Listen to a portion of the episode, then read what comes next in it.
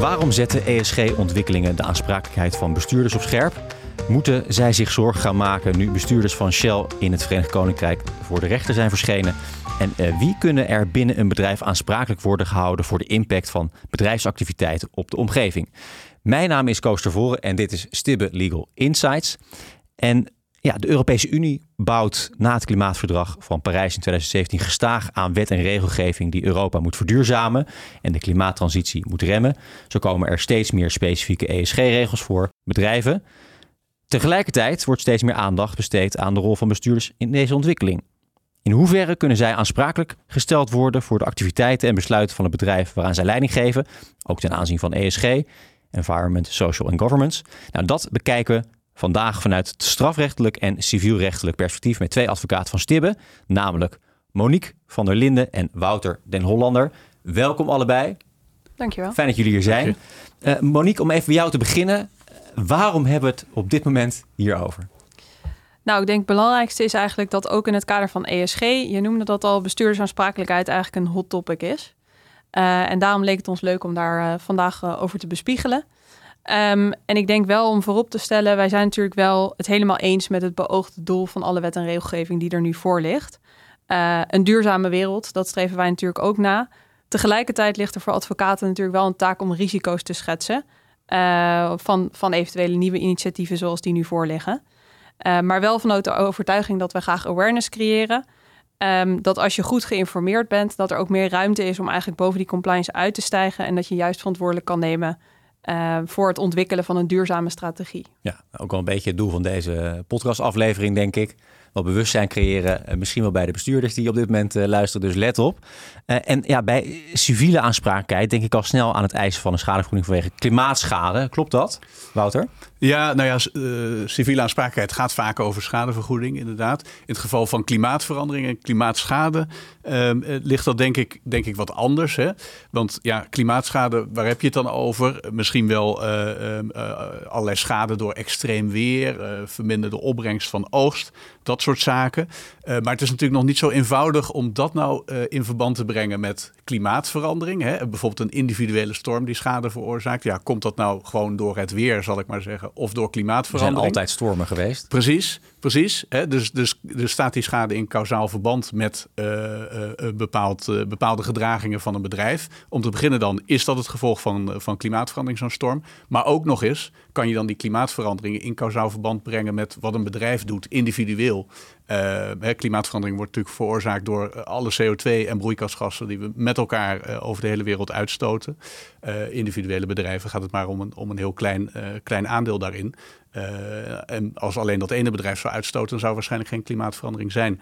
Dus wat is de schade? Staat die in kausaal verband met, met gedraging van het bedrijf? Dat, dat is eigenlijk, lijkt mij, niet, niet goed aan te tonen. Dus het gaat niet zozeer over schadevergoeding. Dat is, dat is denk ik eigenlijk niet mogelijk om uh, om, om daar vergoeding gevorderd van te, van te krijgen.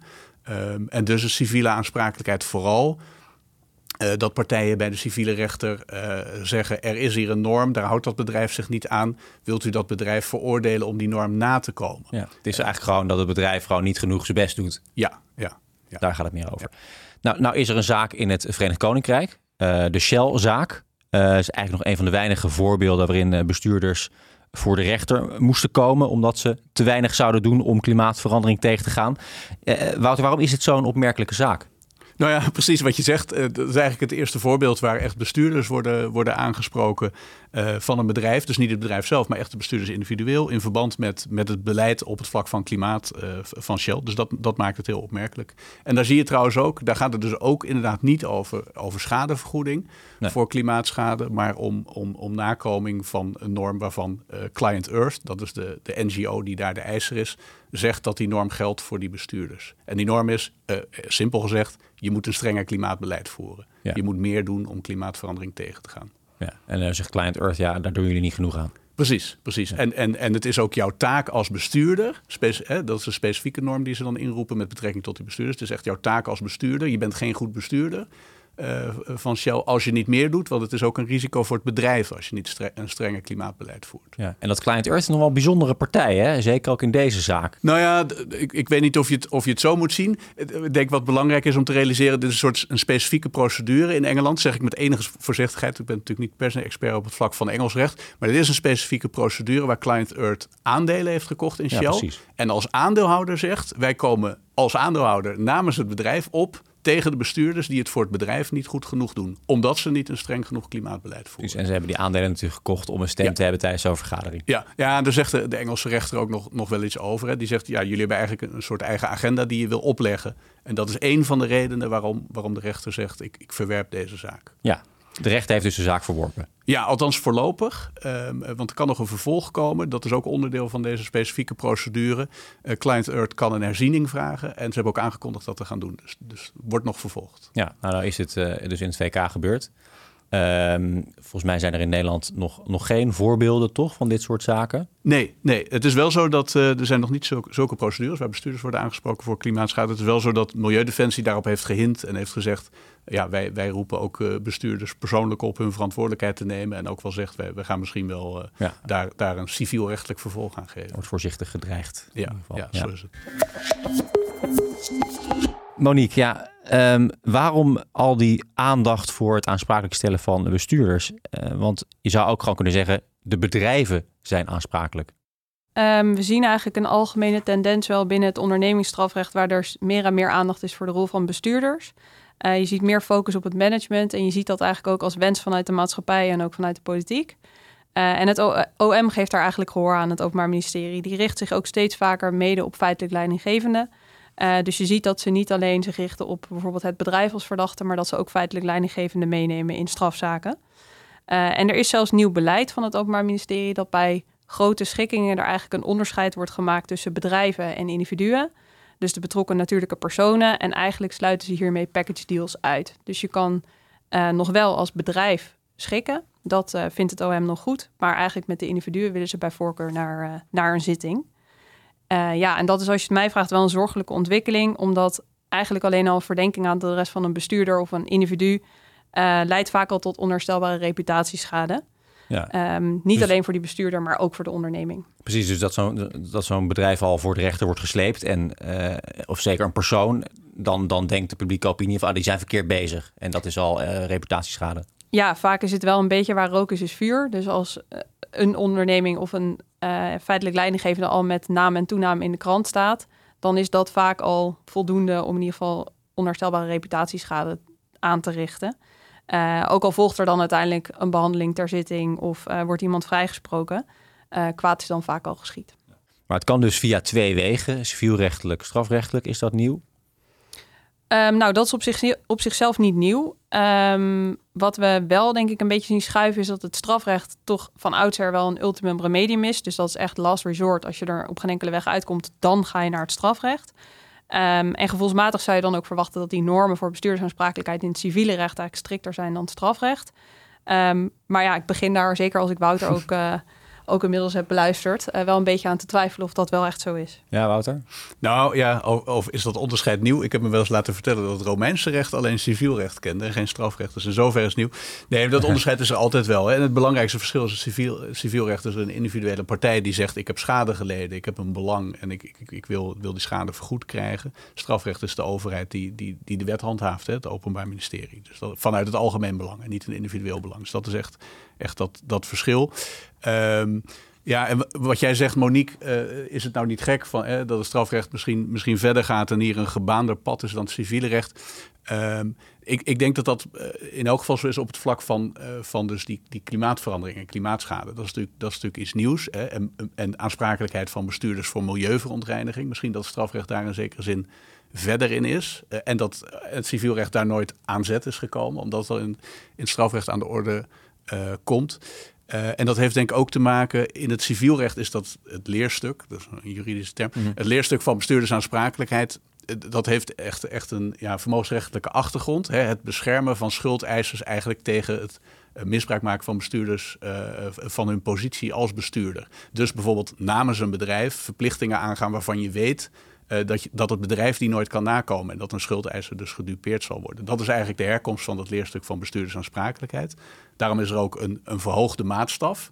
In, in beginsel is de onderneming aansprakelijk, uh, het bedrijf, de vennootschap. -hmm.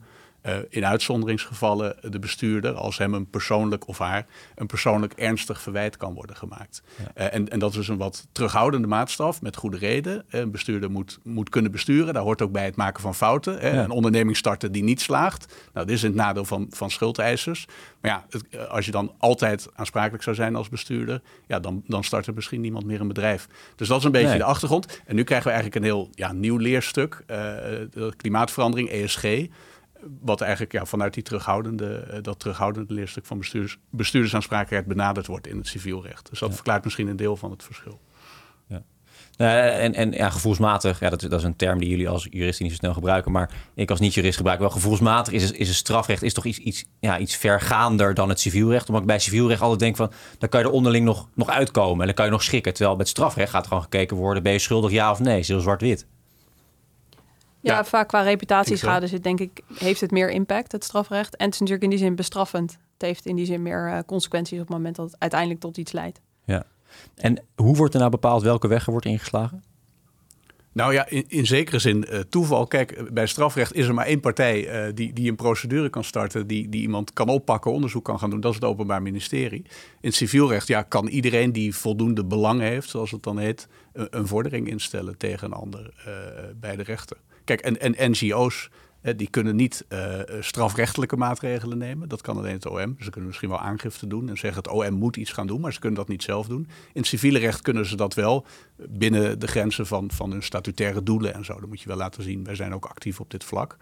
Uh, bijvoorbeeld uh, tegengaan van klimaatverandering of milieubescherming. Ja, en dan moeten we toch ook eventjes ESG noemen, want nou ja, dat ja. environment, social governance. Hoe moeten we deze ontwikkelingen zien in het licht van, van de ESG uh, die er sinds een aantal jaar is? Ja, het, het hele begrip ESG is, dat is natuurlijk veel breder. Hè? Dat is een verzamelterm voor, voor ja. uh, regels op het vlak van, van milieubescherming, uh, sociale rechten, bescherming van mensenrechten en ook uh, het, het, tegengaan van klimaatverandering. Op dat vlak, dat zei Monique al, is de Europese Unie dus met name heel actief op het moment met het ontwerpen van, van nieuwe, nieuwe regels. dus dat is eigenlijk nog een veel breder pakket. Tot nu toe had het eigenlijk vooral een beetje over over klimaatverandering uh, en, klimaatschade. Maar dat is onderdeel van dat veel bredere veld van de ESG. En daar komen allerlei nieuwe, nieuwe regels nu vanuit Europa op ons af. Ja, er zijn voorbeelden van strafrechtelijke aangiftes die zijn ingediend om bestuurders strafrechtelijk aan te pakken. Omdat ze niet voldoende zouden doen om de impact op mensen en milieu tegen te gaan. Ja, hoe werkt dat dan precies, Monique? Nou, je ziet hier ook weer eigenlijk die toenemende aandacht voor bestuurders. Uh, want er zijn de afgelopen periode meerdere strafrechtelijke aangiftes gedaan met ook een hele bewuste focus op het management. Dus niet alleen de aangifte richting het bedrijf, maar ook richting echt uh, het management, dus de betrokken natuurlijke personen. Um, en in bepaalde gevallen zouden, is er aangifte gedaan van dat deze partijen zich schuldig zouden hebben gemaakt aan opzettelijke vervuiling van het milieu. En daarbij dus gevaar voor de omgeving hebben gecreëerd. Uh, en je ziet ook dat daar veel media-aandacht bij wordt gegenereerd. Dus het is vaak niet alleen uh, puur die aangifte bij het, uh, bij het Openbaar Ministerie, maar er wordt ook echt rugbaarheid aangegeven in de media. Mm -hmm. um, nou ja, en dat is wel bijzonder. Ik zou daar toch enige terughoudendheid hopen en verwachten. omdat er eigenlijk, nou ja, je loopt zo ver vooruit op een uiteindelijk oordeel van de rechter. Want na zo'n aangifte is het zelfs eerst nog aan het Openbaar Ministerie om te beoordelen of ze überhaupt een onderzoek starten en voldoende verdenking hebben. Uh, en daar wordt nu eigenlijk uh, nou ja, een soort trial by media voordat je überhaupt ja. dat het OM ernaar gekeken heeft. Ja. En hoe ver reikt die aansprakelijkheid dan binnen een organisatie? Zijn er zoveel rollen, zoveel mensen met uh, managementfunctie of die leiding geven? Ja, dan is het wel goed om heel kort even stil te staan bij het begrip feitelijk leiding geven in het strafrecht. Um, want in principe elke persoon die een leidende rol heeft bij verboden gedrag van het bedrijf, die komt in principe in aanmerking om als feitelijk leidinggevende te worden gekwalificeerd. Uh, en dat klinkt eigenlijk meteen heel crimineel. Maar tegenwoordig is er met alle zorgplichtbepalingen die er zijn geïntroduceerd uh, al best snel sprake van verboden gedrag. Um, je hebt bijvoorbeeld na een incident heb je best vaak dat het Openbaar Ministerie al snel zegt: Oké, je hebt kennelijk niet alle maatregelen getroffen ter voorkoming van dat incident. Want ja, als je wel alle maatregelen had getroffen, dan was dat incident niet gebeurd. Uh, dus er wordt al heel snel gezegd: Nou ja, dan heb je dus een zorgplicht overtreden en dat leidt dan tot strafrechtelijke aansprakelijkheid. Uh, dus dan zit je eigenlijk al best snel aan, uh, aan de mogelijkheid een leidinggevende rol bij verboden gedrag. Maar stel je hebt een baas waarvoor je werkt eigenlijk, maar je bent wel zelf leidinggevende. Nou, ik kan me voorstellen dat je zelf ook niet kan bepalen wat je uitvoert. Nee, maar toch is eigenlijk de hele lijn loopt wel risico. Um, en dat houdt eigenlijk verband met de ondergrens. Het is namelijk niet zo dat als je, uh, als je aan iemand verantwoordelijkheid um, moet afleggen die eigenlijk nog boven jou staat, dat je dan zelf geen strafrechtelijk risico meer loopt.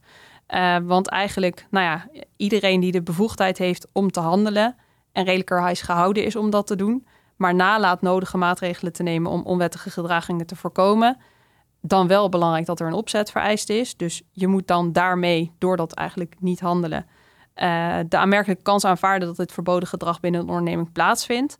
Maar dan loop je, als je hieraan voldoet, je bent eigenlijk gewoon redelijkerwijs bevoegd en gehouden om te handelen en je doet dat niet, dan loop je een strafrechtelijk risico. Ja, dat kan en je loopt eerder een strafrechtelijk risico, risico dan een civielrechtelijk risico, begrijp ik.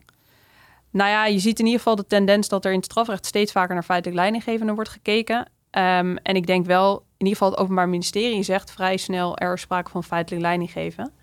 Uh, daar is vaak veel tegen in te brengen.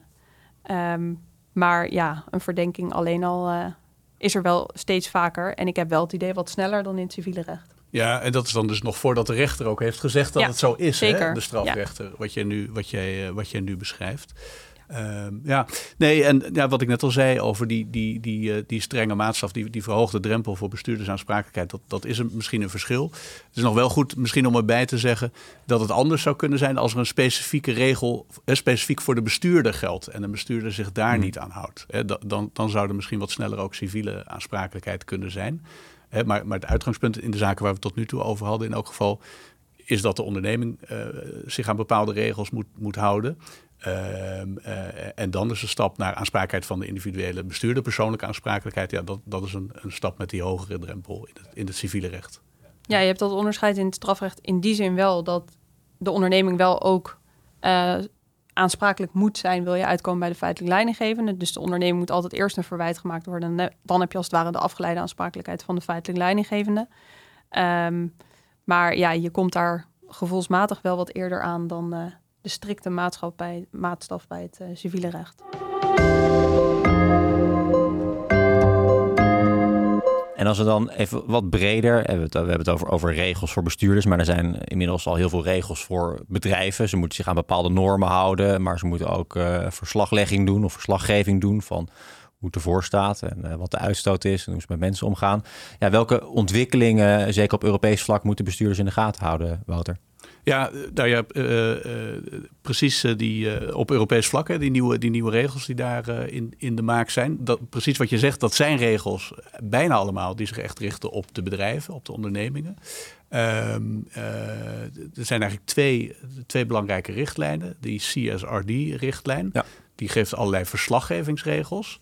Die zegt dus eigenlijk niet zozeer je moet je aan allerlei, je, je moet een bepaald beleid voeren, maar je moet verslag leggen. Heel gedetailleerd eigenlijk over allerlei ESG-aspecten. Eh, in hoeverre uh, mensenrechten daar negatieve effecten op zijn van jouw bedrijf. in hoeverre er negatieve effecten zijn op klimaat, et cetera, et cetera. Daar moet je, zegt die nieuwe richtlijn, eigenlijk heel gedetailleerd verslag van doen. Ja, en dat, dat zal zeker een effect hebben op, op, op wat bedrijven moeten doen. En misschien ook indirect op, op, op de rol van bestuurders. Ja maar die richtlijn bevat nog geen specifieke regels voor bestuurders zelf. En dat zit wel in een andere richtlijn. Dat is de CS Triple D, de CS Triple D, de due diligence richtlijn. Um, uh, maar die is nog uh, inzet van de onderhandeling op Europees niveau tussen de Raad, het parlement en de commissie. Uh, en die hebben tot nu toe uiteenlopende opvattingen. Ook met name op het punt in hoeverre daar specifieke regels voor bestuurders in moeten komen of niet. Ja, en vanuit strafrechtelijk perspectief is natuurlijk nou ja, belangrijk om te kijken in hoeverre is er iets strafbaar gesteld in deze nieuwe wetgevingsinitiatieven. Um, dat geldt in ieder geval wel voor de CSRD. Daar is het voornemen om dat over de band van de wet op de economische delicten strafbaar te stellen. Dus dat zou eigenlijk concreet betekenen dat op het moment dat je geen duurzaamheidsverslag zou publiceren, uh, of dat niet tijdig zou doen, dat je strafrechtelijk een risico kan lopen. Uh, maar op zichzelf zien we eigenlijk bij ESG-gerelateerde verplichtingen dat het niet direct strafrechtelijk handhaafbaar, is in de meeste gevallen. Uh, omdat natuurlijk ook veel open normen zijn. Um, maar goed, we zien wel toenemende risico's voor bestuurders. Ehm, vooral ook omdat er op, de, op grond van wat er nu allemaal al kan, het huidige wettelijk kader al heel veel mogelijk is. En we zien op die grond ook dat er al meerdere Nederlandse ondernemingen vervolgd zijn, bijvoorbeeld voor omkoping in het buitenland of voor overtreding van milieuwetgeving. Uh, waarbij zelfs ook feitelijk leidinggevenden zijn meegenomen in die vervolging. Dus ja. Nederland heeft al snel rechtsmacht, ook voor dingen die over de grens uh, gebeuren. Ja, ja en, en, eigenlijk is het natuurlijk gewoon heel simpel. Door, door CSR die uh, moet bedrijf meer prijs geven over hoe ze te werk gaan. en kan zo'n client Earth dat ook waarschijnlijk inzien, neem ik aan. En heeft hij iets om mee te procederen? Ja, dat, dat zou kunnen. Ja, ja, het komt meer onder een vergrootglas te liggen. En dat zou, dat zou inderdaad aangegrepen kunnen worden om dus tegen die bedrijven in te brengen. En, en indirect misschien ook tegen, tegen bestuurders. Uh, en die CS Triple D, daar is dus bijzonder dat uh, voorstel van de Europese Commissie is dat daar ook een bepaling in komt die uitdrukkelijk zegt bestuurders moeten handelen in het belang van het bedrijf. maar daar dan aan toevoegt ook uitdrukkelijk rekening houden ook met de impact op klimaat onder meer. Ja. Uh, dat zou een, van invloed kunnen zijn op de vraag hoe snel bestuurdersaansprakelijkheid wordt aangenomen of niet. Maar de Europese Raad heeft gezegd, wij willen dat juist niet, zo'n bepaling. Er zal dus moeten blijken of die er wel of niet gaat komen. Oké, ja, dat moeten we dus even in de gaten houden. Ja, zeker. Ja, en je hebt natuurlijk uh, op grond van, nou ja, je schetste dat al, Koos, op grond van die rapportageverplichting is er eerder publieke aandacht voor. En dus ook voor eventuele non-compliance als daarover gerapporteerd wordt. Uh, en dat zal onvermijdelijk tot allerhande vragen leiden, ook kritische vragen richting bestuurders. Um, en je ziet sowieso als tendens dat eigenlijk die rapportages over duurzaamheid niet meer vrijblijvend zijn. De Europese Commissie zet ook heel duidelijk in op uh, een harde aanpak van greenwashing. En je ziet zelfs in Duitsland dat er nu al een strafrechtelijk onderzoek loopt naar uh, greenwashing, waarbij bepaalde financiële producten als minder groen en duurzaam in werkelijkheid zouden zijn dan zij zijn gepresenteerd. Um, dus je ziet daar wel duidelijk een tendens. Dus dat is niet, nou ja, het rapporteren is niet langer zomaar vrijblijvend en uh, moet dus zorgvuldig gebeuren. Nee. En, en door wie worden ze dan aangepakt daar in Duitsland? Ze worden daar ook door het Openbaar Ministerie aangepakt. Um, dus dat is wel nou ja, een bijzondere kwestie. We hebben dat in Nederland nog niet gezien. Nee. Dus interessant om te volgen. Ja, als ik dit toch allemaal hoor, dan denk ik, wie heeft er nog zin en durft er nog te besturen? Ja, mooie vraag. Ja, nou, de handen gaan niet omhoog. Jij, jij kijkt ook, ook, ook lachend. Ja, ik, ik denk dat belangrijk blijft uh, voor bestuurders, en dat was eigenlijk altijd al zo. Hou je netjes aan de regels, uh, maak zorgvuldige afwegingen en, en, leg die voldoende vast. en daar komt echt bij, nu doe je best om die stap naar, naar duurzaamheid, verduurzaming te maken. tegelijkertijd blijft het ook zo, we, we willen heel veel met elkaar in de samenleving, maar ook, ook bestuurders kunnen niet in hun eentje natuurlijk de hele wereld veranderen. En ik, ik, ik neem aan, ik mag ook hopen dat ook rechters daar uiteindelijk rekening mee zullen houden. Ja, ik denk dat het ook belangrijk is dat je vooral, nou ja, niet te veel rapporteert, maar ook niet te weinig. Uh, ik denk dat daar echt een, een, ingewikkelde balans komt te liggen voor de bestuurders. Uh, omdat je, nou ja, je moet natuurlijk heel veel rapporteren, maar aan de andere kant wil je ook niet te veel beloven wat je uiteindelijk niet waar kan maken. Dus ik denk dat daar heel erg veel nou, gelegen is aan zorgvuldigheid in het kader van formulering. Hoe formuleer je dingen? Um, en hoe heb je ook voldoende onderbouwing? Dat als iemand er ooit kritische vragen over stelt, dat je kan zeggen, ja, dit was niet ongefundeerd. Uh, we hebben oprecht het zo onderbouwd en we meenden dit te kunnen doen. Uh, dat je in ieder geval niet uh, uiteindelijk om je oren geslagen kan worden met, met eigen rapportages. Nee, ook zeker als het gaat om individuen kan je natuurlijk misschien zeggen... ja, ik, ik heb in zo'n vergadering ingebracht dat we misschien een duurzame koers moeten varen. Kijk maar in de notulen, maar het was drie tegen één. Ja, een, een, oude regel van het recht is: van niemand wordt het onmogelijke verwacht. We willen nu natuurlijk als samenleving begrijpelijkerwijs heel veel. Ook van onszelf, maar ook van bedrijven. Maar het, moet ook wel mogelijk blijven om aan te voldoen.